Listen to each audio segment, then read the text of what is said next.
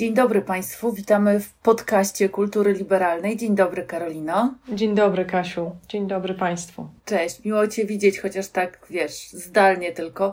I w ogóle, skoro zaczynamy nasz podcast, to mamy z Karoliną pewne dzisiaj bardzo ważne ogłoszenie na samym początku. Otóż nasz podcast funkcjonuje jako podcast Kultury Liberalnej i oczywiście nim pozostanie i to się nie zmienia.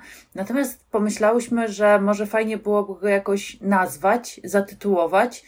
Miałyśmy pewne pomysły, zaczynając od dziewczyńskiego podcastu o polityce, ale pomyślałyśmy, że bardzo chętnie zapytamy Państwa o to, czy przychodzi Państwu do głowy jakiś tytuł dla naszego cyklu, jakaś nazwa dla tej audycji, dla tego podcastu. Będziemy niezmiernie wdzięczne za wszystkie propozycje i oczywiście najlepszą wybierzemy i tak się będziemy nazywać, także sprawa jest bardzo poważna. Właśnie, więc wpisujcie Państwo w komentarzach, a jeżeli chcecie, na przykład jakaś złota myśl przyjdzie Wam po programie, to napiszcie do nas maila albo możecie nam wysłać wiadomość przez Facebooka, przez Twittera, jak tylko sobie życzycie. My na pewno wszystkie te propozycje dokładnie przejrzymy. Bardzo będziemy Państwu wdzięczne za nadanie nam imienia.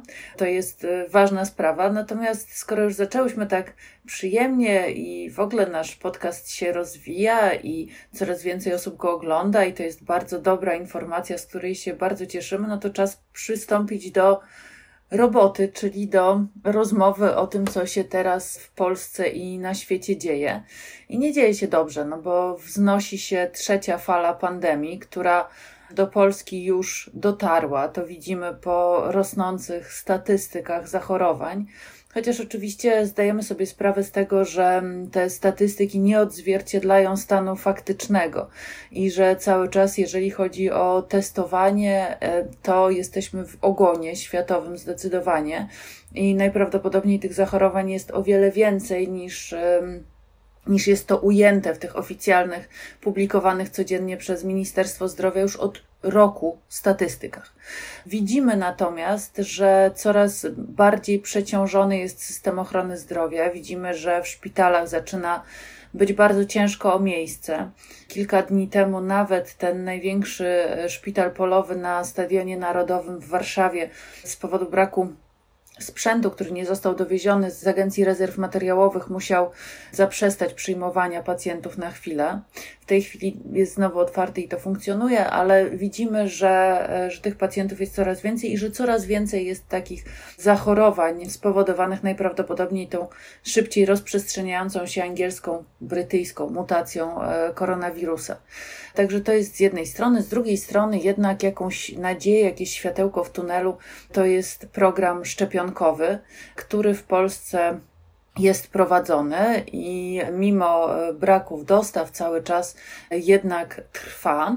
Trwa i budzi kontrowersje. Bardzo wiele, bardzo różnych kontrowersji. No bo z jednej strony właśnie te braki w dostawach doprowadziły do sytuacji, w której prezydent Andrzej Duda rozmawiał z e, Chinami i pojawił się taki pomysł, żeby zacząć sprowadzać do Polski bezpośrednio z Chin jedno ze szczepionek, e, czy może kilka, tego nie wiemy, wyprodukowanych w tym kraju. Wiemy, że te szczepionki to są szczepionki najstarszego typu.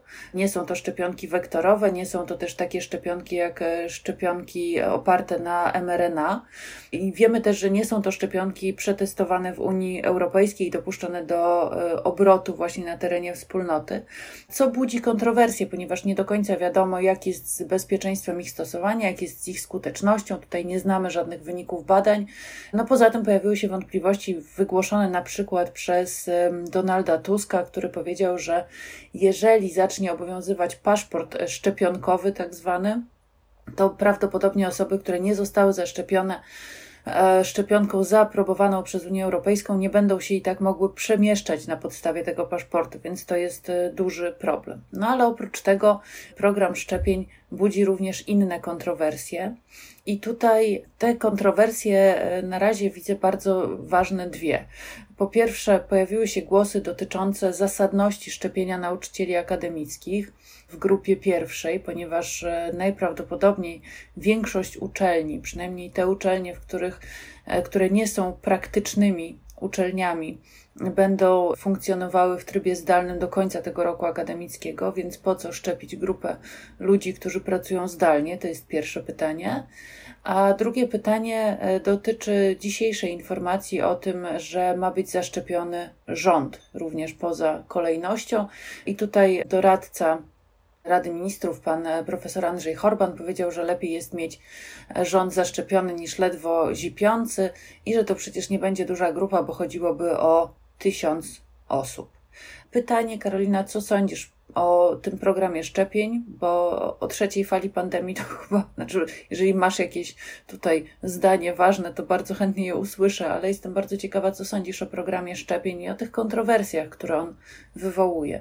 Tak, wiesz, króciutko tylko na temat trzeciej fali powiem tyle, mm, że jakie to jest dziwne, że my za każdym razem ulegamy złudzeniu, że już tego nie będzie, albo że to będzie tak jak poprzednio.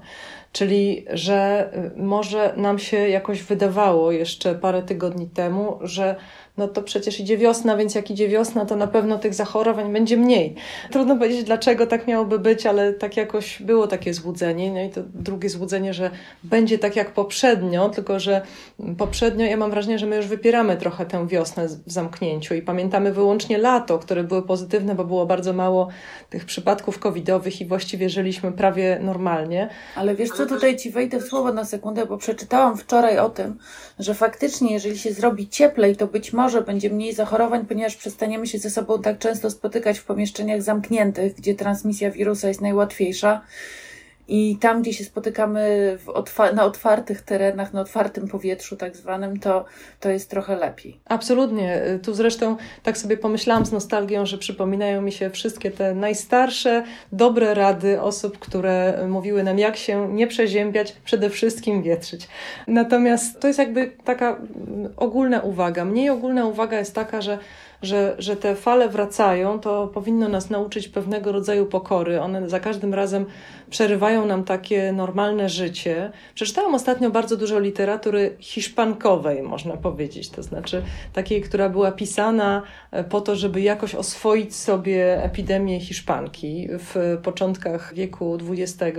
I w takich książkach jak e, Pale Rider, Pale Horse, to właściwie masz dokładnie taką sytuację, że ludzie za każdym razem ulegają wrażeniu, że tego już nie będzie i to potem w taki zaskakujący sposób przerywa ich normalne życie.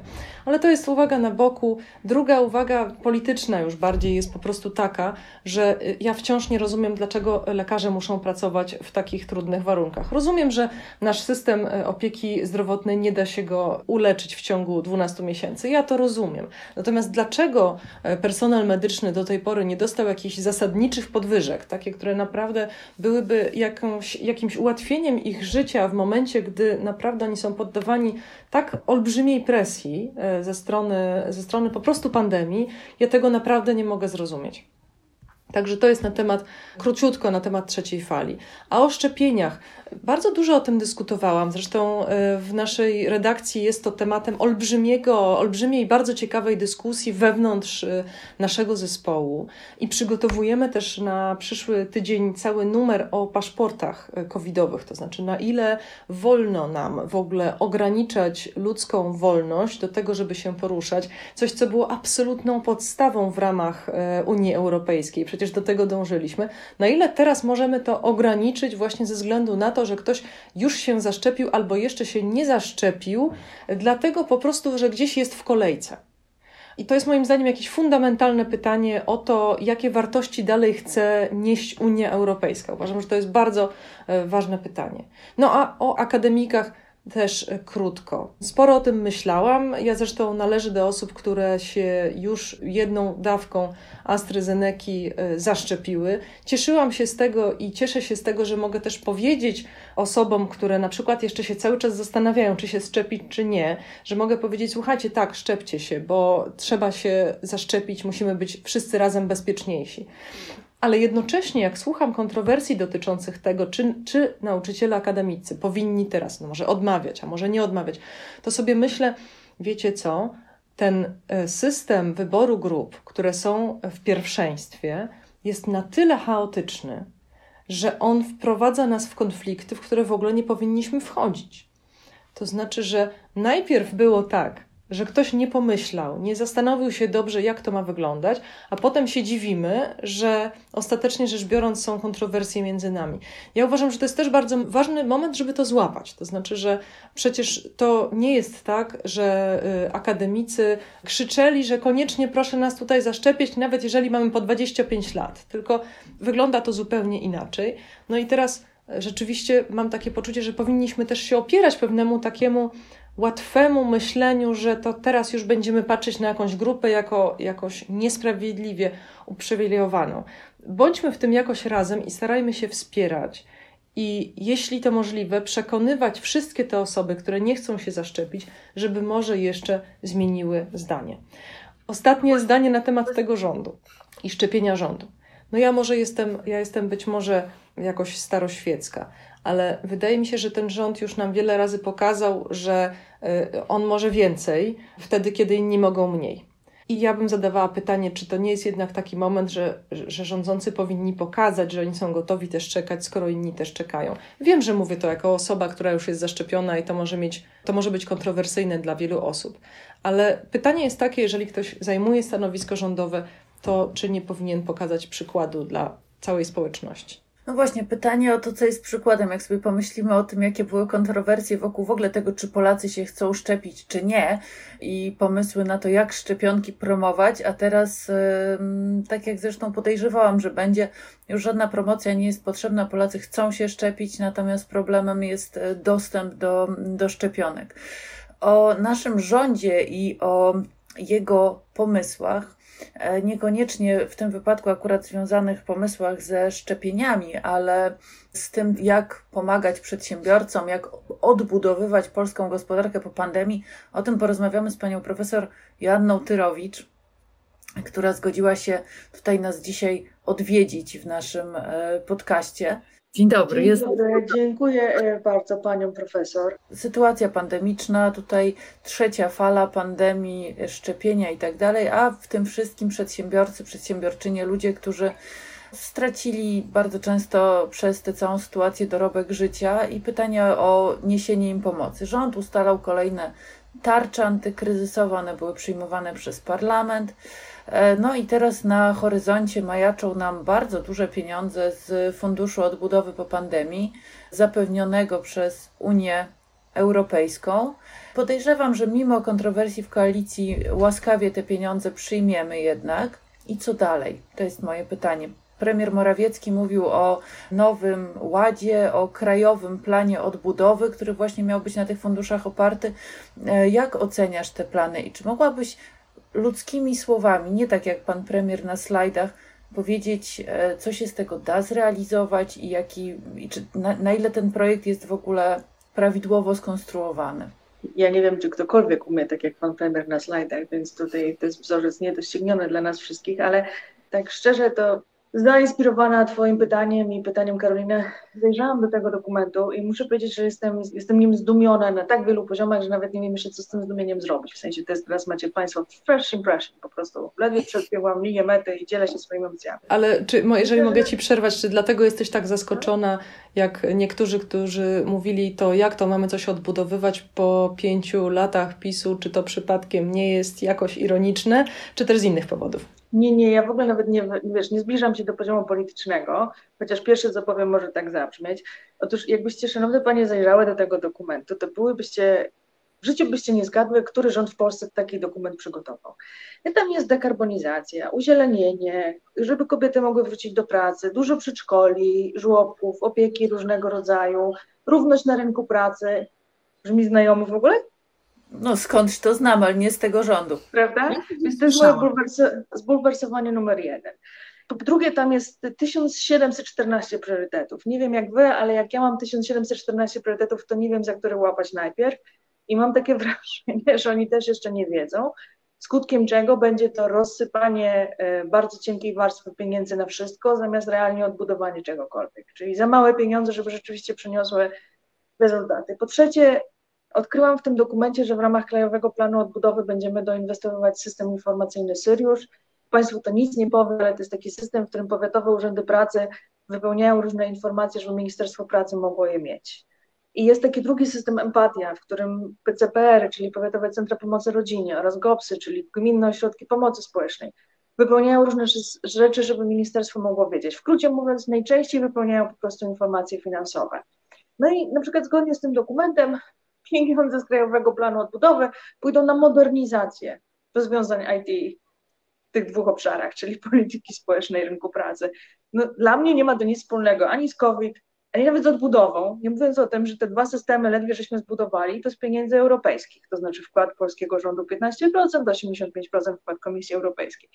Każdy system IT trzeba utrzymywać i, i takich rzeczy znajdziemy w tym dokumencie tysiąc. To znaczy on trochę wygląda jakby tak ktoś wziął i zrobił ładne formatowanie na takiej zrzutce ze wszystkich możliwych resortów, ze wszystkich możliwych departamentów.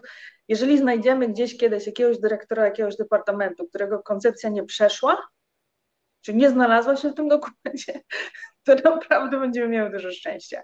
No, no to wygląda po prostu jak totalne zbieranie na wszystkiego i niczego.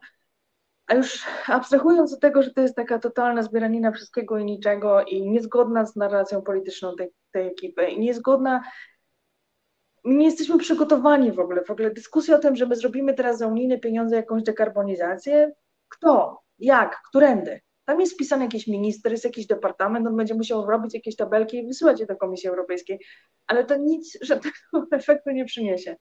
Pamiętam, lata temu na wycieczkę pojechałam do takiego czegoś, co się nazywa Europort. Wiecie, co to jest? Taki główny, jeden z wielu głównych, ale jeden z główny port przeładunkowy europejski koło Rotterdamu. To jest takie, taka inwestycja, w sensie w Holandii w latach 70. przed taki premier powiedział, zbudujemy największy port w Europie. I Holendrzy mówią, tu się popugaj, gdzie największy port w Europie? Tu masz bagna, tu ci woda z, z morza zalewa, tu nigdzie nie ma przejścia, tu nie ma dróg, tu nie ma tego. A on mówi, słuchajcie, no jak Amerykanie mogą polecieć w kosmos, to może nam się uda zbudować kilka kej przeładunkowych. No spróbujmy. I przerobili nie wiem ile hektarów. Trochę morza, trochę lądu, trochę czegoś na absolutnie nową infrastrukturę, technologicznie rozbudowując wszystko jedno. To był największy projekt inwestycyjny relatywnie niewielkiego kraju, jakim jest e, Holandia który trwał tak z 15 lat, ale on był przełomowy. To znaczy dla tego kraju, dla jego zdolności e, budowania przewagi konkurencyjnej w obsłudze wymiany międzynarodowej w całej Unii Europejskiej, dla rozwoju takich branż jak logistyka, takich branż jak agencje celne, usługi finansowe, to było jakby foundational, nie? żeby z tego jakby, no tego wszystkiego nie było. Znaczy byłoby, ale w mniejszej skali, wiadomo. I straciłyśmy chyba Joannę zadziałało. O, opowiadałaś no, ja mówiłam cały czas o tym całym, czyli o tym Retordamie. Nie? Tak, tak, opowiadałaś nam o Europorcie, a ja, a ja chciałam właściwie Cię no. dokładnie w tym kontekście zapytać, czy kiedy opowiadasz nam o Europorcie, to opowiadasz nam tak naprawdę, dlaczego nie mogą się udać takie projekty jak lotnisko w Baranowie, czy też nam opowiadasz o tym, że trzeba w taki bardzo konsekwentny sposób zdefiniować, co to miałoby być ten priorytet, ten jeden priorytet, na którym się teraz orientujemy, żeby na przykład w perspektywie 15 lat coś zrobić. Ale już słyszę, jakie to trudne, bo to wymaga zgody różnych sił politycznych, prawda? Baranów to nie jest Europort. Baranów to jest jakieś małe, przepraszam Państwa za taką dosadne sformułowanie, jakieś małe popierdółkowe lotnisko w Europie nie jest pierwsze lotnisko, ani nie będzie największe przeładunkowe. Ono tylko komuś, kto realizuje w Polsce ten projekt, wydaje się, że to jest jakiś wielki sen, po prostu rząd zbuduje lotnisko na środku niczego. Ten sen jest wielki dla niego, a nie dla kraju, w szczególności dla naszych możliwości rozwojowych. Natomiast Europort to był wielki sen i dla Holandii, i dla dużej części Europy, jakby przystam to tam geograficznie jest ulokowany. I się zastanowisz, bo tu mi zadałeś pytanie, że znaczy, to, co ja bym chciała zrobić jako człowiek, to bym chciała każdego człowieka, który w Polsce stać, zaczyna być jakimś dyrektorem departamentu, w szczególności premierem kraju, wziąć na taką wycieczkę, żeby on się przebiegł przy tym aeroporcie. Mamy takich premierów, co lubią biegać od dłuższego czasu, niech oni się przebiegną po, tej, po tym hektarach, niech zobaczą, co to znaczy projekt. Bo nam się wszystkim wydaje, że projekt to znaczy wydać 2 miliony na IT, albo 20 milionów na IT, albo postawić jeden nowy budynek. No z tego nie ma rozwoju, z tego nie ma impulsu do niczego. A jeszcze chciałam ostatnio już powiedzieć, i to jest najważniejszy aspekt tego mojego zdumienia. Jakbyśmy się popatrzyli na to, co wydarzyło się w covid no to tak.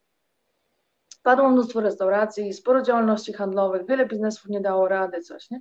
I jak coś się nazywa Krajowym Planem Odbudowy, to człowiek ma taką no, taką myśl gdzieś z tyłu głowy, nie, że będziemy tym co padli, to teraz byśmy tak chcieli, żeby powstali. Dokładnie. I jak ktoś jest takim człowiekiem jak ja, to się zastanawia, no ciekawa jestem, jak to zrobimy, bo jak rozróżnimy tych, co padli naprawdę, od tych, co padli nie z powodu COVID-u, tylko w ogóle by padli nawet jakby nie było COVID-u, a może nie trzeba rozróżnić, rozumiecie, taki wyrafinowany poziom rozumowania, to nie ma ani grosza na te rzeczy. Nie ma w ogóle nawet takiej linijki, takiej tabelki, takiej pół strony, żeby coś dać komuś, żeby otworzył biznes, jak mu upadł. No, właśnie to jest, jest na jakieś startupy, ale nie wiadomo, co to ma być. Wiesz, i to jest dla mnie przerażające, bo to było moje pytanie, które Ci chciałam zadać. Właśnie, czy jakkolwiek jest ten krajowy plan odbudowy skierowany do indywidualnych ludzi, którzy zbankrutowali, którzy upadli, którzy po prostu e, resztkami sił gonią w tej chwili. Czy tam jest coś o Mazurach, o Pomorzu, o górach, e, o Podkarpaciu, nie wiem, o tych regionach, które ucierpiały na przykład dlatego, że nie było wakacji. Oczywiście jest kwestia turystyki, a jeszcze Wam powiem też z perspektywy naszej, czyli kultury liberalnej, w której część osób przy zachowanych obostrzeniach sanitarnych wróciło w tej chwili do biura, po prostu dlatego, że zumoza sprawia, że strasznie trudno nam jest y, pracować wyłącznie online, brakuje nam tych relacji w pracy i y, widzimy, jakie jest otoczenie naszej siedziby w centrum Warszawy, że po prostu tutaj odbył się Armagedon na y, restauracjach, że miejsce, do których chodziliśmy, po prostu ich już teraz nie ma. Więc podbijam pytanie Kasi. No ale wiesz, to nie tylko w Warszawie ich nie ma, nie? Wszędzie, żeby się przejść, ich nie ma. I jak ja na przykład się przemieszczałam cały czas akurat i po Warszawie i międzynarodowo przez ostatnie miesiące, czy rok prawie i poza restauracjami padają sklepy spożywcze, cała masa biznesów, nie? I co, pójdziesz do tych ludzi, którzy upadli i powiesz im, to teraz, proszę Państwa, to jest 30 tysięcy, może starczy, żebyście się otworzyli na nowo. Oni mają rozwiązane umowy najmu, sprzedany sprzęt, znaczy no to jest do, w ten sposób się tego nie da odtworzyć, tak? Więc w ogóle cały pomysł, że to jest jakaś odbudowa czegoś, no to po pierwsze na to jest troszeczkę za późno, a po drugie trzeba by się zastanowić dokładnie nad tym, jakie to by miało być instrumentarium, wobec kogo skierowane i w ogóle. To, co chciałam takie, już chyba żeśmy kiedyś z Kasią rozmawiały nawet na antenie na ten temat. Ze znanych mi krajów Unii Europejskiej zdecydowana większość dyskutowała o tym, jak przeznaczyć środki z krajowego planu, znaczy z tego funduszu pokowidowego, tak gdzieś mniej więcej od kwietnia, czyli zanim on jeszcze był. W lipcu to oni już mieli gotowe szuflady, pełne szuflady, że się tak wyrażę, czyli pierwszą listę tych takiego do powrzucania do wspólnego dokumentu. W sierpniu zaczęli dyskutować o priorytetyzacji, do października mieli ogarnięte gdzie, co i jak. Ja nie mówię, że wszystkie z tych planów są mądre, albo że doskonale przyczynią się rozwojowi tamtych krajów, ale no koniec rzędem temu, kto pamięta w Polsce jakąkolwiek dyskusję o wydawaniu pieniędzy latem albo jesienią, Pamiętamy taką dyskusję o tym, czy my wystąpimy, czy nie wystąpimy, która była, o ile dobrze pamiętam, jakiś grudzień. No i mhm. doczekaliśmy się do końca lutego, żeby zobaczyć pierwszy dokument, który jest zlepkiem. Naprawdę, jakbyśmy wysłali takiego maila po wszystkich resortach, po wszystkich departamentach, co wy tam macie, co tam, jak to było w psach, co, co wy tam palicie, co wy tam macie, oni przysłali wszystko, co mamy i teraz byśmy to dali jednemu człowiekowi, żeby to ładnie zredagował elegancką fontę, to dostalibyśmy mniej więcej to, co się mnie nazywa krajowym programem czy tam planem odbudowy. No. Ale wiecie co, to, a ja, pa, ja pamiętam dyskusję z tamtych miesięcy, przepraszam, że Ci Kasiu weszłam w słowo, ja pamiętam, że rozmawialiśmy o piątce dla zwierząt, o rekonstrukcji rządu, o aborcji i o szkolnictwie, ale jakoś nie pamiętam, żebyśmy rozmawiali o tym, jakie są priorytety ja mam wrażenie, że to jest tak, tak zrobiona tabelka, żeby się Unii spodobało. Stąd ta dekarbonizacja i stąd te wszystkie postulaty bardzo egzotyczne, jak na rząd Prawa i Sprawiedliwości. To jest trochę też to, co Joanna przewidziałaś w tamtej naszej radiowej rozmowie, bo powiedziałaś, że tak będzie, że oni to po prostu właśnie tak, tak zrobią. Ja się zastanawiałam, na ile jesteś dobrą e, Kasandrą i okazuje się, że zarobiłabyś spokojnie jako osoba przewidująca przyszłość, wiesz. E, natomiast mam pytanie jeszcze jedno, bo zostało nam mało czasu, a sprawa jest paląca i bardzo ważna i taka, która nas osobiście bardzo, bardzo, bardzo dotyczy, bo właśnie rząd teraz już jest na ostatniej prostej. E, pytanie brzmi, Joanna, i to jest pytanie takie najprostsze, jakie Ci mogę zadać. Czy powinniśmy, jako pracownicy, przenosić nasze pieniądze z ZUS-u do indywidualnych planów emerytalnych. Czy na te konta emerytalne, teraz płacąc te 15% naszych oszczędności w ramach tak zwanej opłaty przekształceniowej. Jak, jak ty to widzisz? Jak to wygląda z twojej perspektywy i czy czujesz się na siłach doradzić?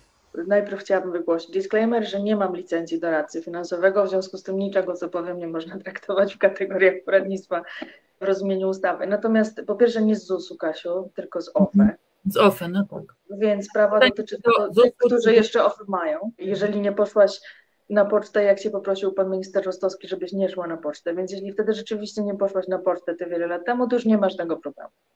Jeśli poszłaś wtedy na pocztę i wyraziłaś, potwierdziłaś swoją wolę, że jednak chcesz mieć OFE, czyli powiedziałaś panu Rostowskiemu, że masz y, jego marzenia, z wielkim szacunkiem się do nich odnosisz, ale masz też swoje marzenia, to, y, to możesz wtedy tej decyzji dokonać. Czyli ten problem nie dotyczy większości z nas, bo wówczas gesty różne y, pokazało rządowi 2 miliony Polaków, 17 milionów członków OFE. Więc tylko 2 miliony osób ma tę decyzję do podjęcia. I ta decyzja polega na tym, rząd przyszedł i powiedział, kiedyś byśmy wam powiedzieli, że zamykamy OFE, inny rząd, ale to nie ma znaczenia, dla nas to jest rząd. Zamykamy OFE, to znaczy, że nie możecie do nich już wpłacać, ale co wpłaciliście, to oni mogą inwestować. Strasznie mhm. ryzykownie będą to dla was inwestować, ale mogą to dla was inwestować. I teraz przychodzi następny rząd i mówi, strasznie tam ci im kazali ryzykownie inwestować. To dla was jest, drodzy ludzie, niebezpiecznie. Więc my zamykamy ten cały teatrzyk, żeby już nie kontynuować tej smutnej porażki małej ilości pieniędzy od dwóch milionów obywateli tylko. I masz do wyboru, drogi człowieku, czy chcesz, żebyśmy ci te pieniądze zajwanili od razu, czy dopiero jak przyjdziesz na emeryturę. To jest ten wybór. Czyli co robić, proszę pani? No, jak ktoś mi ma przyjść i zrobić mieszkanie, to wolę, żeby przy co rok niż dziś, nie? Więc z tego punktu widzenia Wybierz IKE, czyli indywidualne konto emerytalne. Możesz je wybrać w swojej instytucji finansowej, nie musisz robić dodatkowej instytucji finansowej. Jak chcesz inną dodatkową, też zawsze możesz. To nie jest powiązane z tym, gdzie masz kredyt, ani konto swojej rządzy, ani z takiego. Zakładanie IKE trwa dosłownie 4 minuty. Rozumiem, że będzie jakaś formuła przenoszenia tych pieniędzy automatyczna, to znaczy, że jak założysz IKE, to IKE do OFE napisze i OFE te pieniądze przejmie. Ale prawda jest taka, że Jedyny wybór, jaki masz, to czy oni ci te pieniądze, Kasiu, zabiorą teraz, czy za jakiś czas. Okej, okay, czyli no tak, czyli to jest, powiedziałabym, taki wybór e, pozorny w dużym stopniu, prawda? On był pozorny już wtedy, kiedy wszyscy powiedzieliśmy Rostowskiemu, że ma nam ich nie zabierać. Mhm. Ale jakby absolutnie nie żałuję tamtego gestu i taki sam wykonałabym dzisiaj.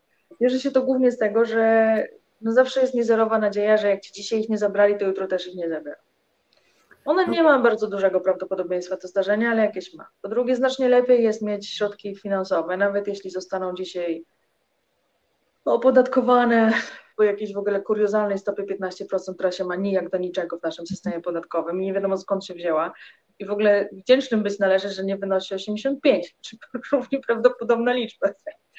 Ale lepiej być e, opodatkowanym i posiadać aktywa finansowe, które już są przypisane do Twojego nazwiska i z którym nie bardzo można coś zrobić, poza tym, że jak przejdziesz na emeryturę, to przekształcić je w świadczenie dożywotne, niż tego nie mieć, no, bo dopisanie czegoś do zobowiązań w ZUS-ie, jak zaraz przyjdzie premier, minister, ktokolwiek Gowin i powie, nie, nie, w ogóle już nie mamy systemu emerytalnego, płacimy każdemu porówno, no to lepiej jest mieć gdzieś coś odłożone obok, tak?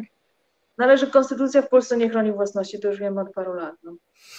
To jest dosyć... mówiąc, nie doradzam nikomu, ale ja swoje pieniądze zabiorę z OFE, które likwiduje rząd, do IKE, które sobie wybrałam.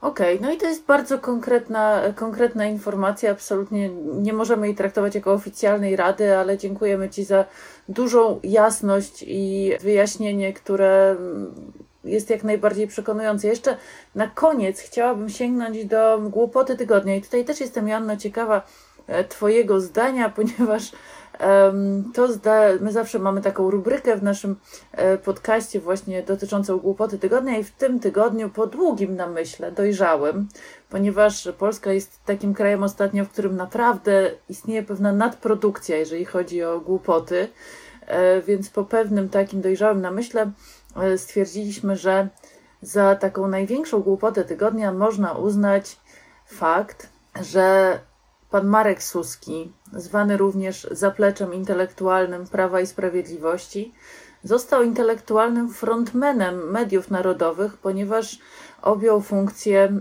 przewodniczącego Rady Programowej Polskiego Radia. No i tutaj pytanie do Karoliny, jak byś to skomentowała? Wiesz, ja kiedyś pracowałam w Polskim Radiu i pamiętam, że marzyliśmy już wtedy, to było 20 lat temu, rozmawialiśmy między sobą, e, my, mali, szarzy dziennikarze, i mówiliśmy sobie, jak to byłoby wspaniale, gdyby w tych wszystkich radach programowych, gdyby na tych wszystkich prezesowych stanowiskach byli, byli dziennikarze Polskiego Radia, którzy wiedzą, jak się radio robi, wiedzą, jak strasznie piękne jest to medium, a jednocześnie jak czasem trudne jest to medium, i którzy by nas wreszcie rozumieli. I muszę powiedzieć, że z przestrachem patrzę, jak te, te czasy, kiedy nam się wydawało, że polskie radio jest mimo wszystko zawsze w jakichś rękach takich ludzi narzuconych, te, te, teraz myślę o nich z jakąś nostalgią. To znaczy, że to wtedy jeszcze wcale nie było tak źle. No teraz po prostu dla mnie to jest takie, taka kwintesencja podporządkowania polskiego radia, nie chcę mówić radia narodowego, polskiego radia, w stosunku do którego mam uczucia patriotyczne, także dlatego, że tam pracowałam, więc y, do, do pewnego stopnia utożsamiam się z tą instytucją, że ona jest właśnie tak jak i, i te pozostałe media publiczne podporządkowana nie narodowi, nie państwu, tylko jednej partii. Joanna, czy ty byś chciała skomentować te decyzje? Tak. I komentarz mój jest następujący, szczególnie po jakichś tam taśmach, które krążą po sieci od paru dni, że wasz podcast się powinien nazywać kulturalnie o polityce. Bo rzeczy, które komentujecie i wymieniacie, naprawdę nie wiem, jak to robicie, że mówicie, używając tylko słów, których nie sklasyfikowalibyśmy jako powszechnie ubraźliwe. Ewentualnie możecie się nazywać liberalnie o polityce, bo jednak można by powiedzieć dużo gorzej niż to, co oni sami wymyślają. Znaczy, no nie wiem, jak skomentować ten pomysł. Naprawdę mnie brak kulturalnych słów. Dziękuję bardzo. Dziękujemy za pomysły na, e, na nazwę dla naszego podcastu. Na pewno sobie zanotujemy. Czekamy na Państwa propozycje również i na to, co Wam przychodzi do głowy, kiedy oglądacie nasz podcast i jak byście go e, chcieli nazwać. Bardzo dziękujemy naszym e, patronom i patronkom. Dziękujemy tym wszystkim osobom, które wspierają kulturę liberalną na co dzień i prosimy bardzo grzecznie i bardzo ładnie i bardzo kulturalnie i bardzo liberalnie o to, żeby zastanowili się Państwo nad tym, komu przekazać w tym roku 1%. Wiem, że wybór nie jest łatwy, wiem, że potrzebujących jest dużo, ale jeżeli leży Państwu na sercu sprawa mediów, które są właśnie po pierwsze wolne, po drugie kulturalne, po trzecie z dystansem e, i w sposób nieoczywisty komentują naszą rzeczywistość i to, co nas otacza, i ten świat, to, co się na nim dzieje, to zapraszamy i bardzo dziękujemy z góry za wsparcie tym jednym procentem właśnie kultury liberalnej, bo e, my to, co robimy, robimy dla Państwa. E, robimy po to, żeby Państwo więcej wiedzieli, byli lepiej poinformowani i żeby też mogli Państwo zadawać sobie pytania, na które odpowiedź wcale nie jest najłatwiejsza. Specjalnie, szczególnie, z całego serca e, chciałabym podziękować w imieniu Kultury Liberalnej Arturowi Sawickiemu, Marianowi Lemke, Aleksandrze Kudrymskiej, Jakubowi Baczukowi, Danielowi Stawińskiemu, Patrykowi Górniakowi, Aleksandrowi Słowikowi, Jackowi Ptaszkowi, Piotrowi Kiselowi, Karolinie Alamie, Tomaszowi Ostrowskiemu, Grzegorzowi Gryczce i Kornelowi Wojciechowskiemu. Bardzo serdecznie Państwu dziękujemy, a ja bardzo serdecznie Paniom dziękuję za dzisiejsze spotkanie. No i chciałabym, żeby wreszcie było takie spotkanie, po którym po prostu będzie mi jakoś lżej i weselej. A tak to mam tylko dużo tematów do tego, żeby się dalej martwić. Bardzo Wam dziękuję tak czy inaczej. Martwienie się w towarzystwie tak znakomitym jest i tak lepsze niż w samotności. Dzięki wielkie Joanno, dzięki Karolino i do zobaczenia bardzo. za tydzień. Na dziękuję raz. za zaproszenie. Do widzenia. Dziękujemy bardzo.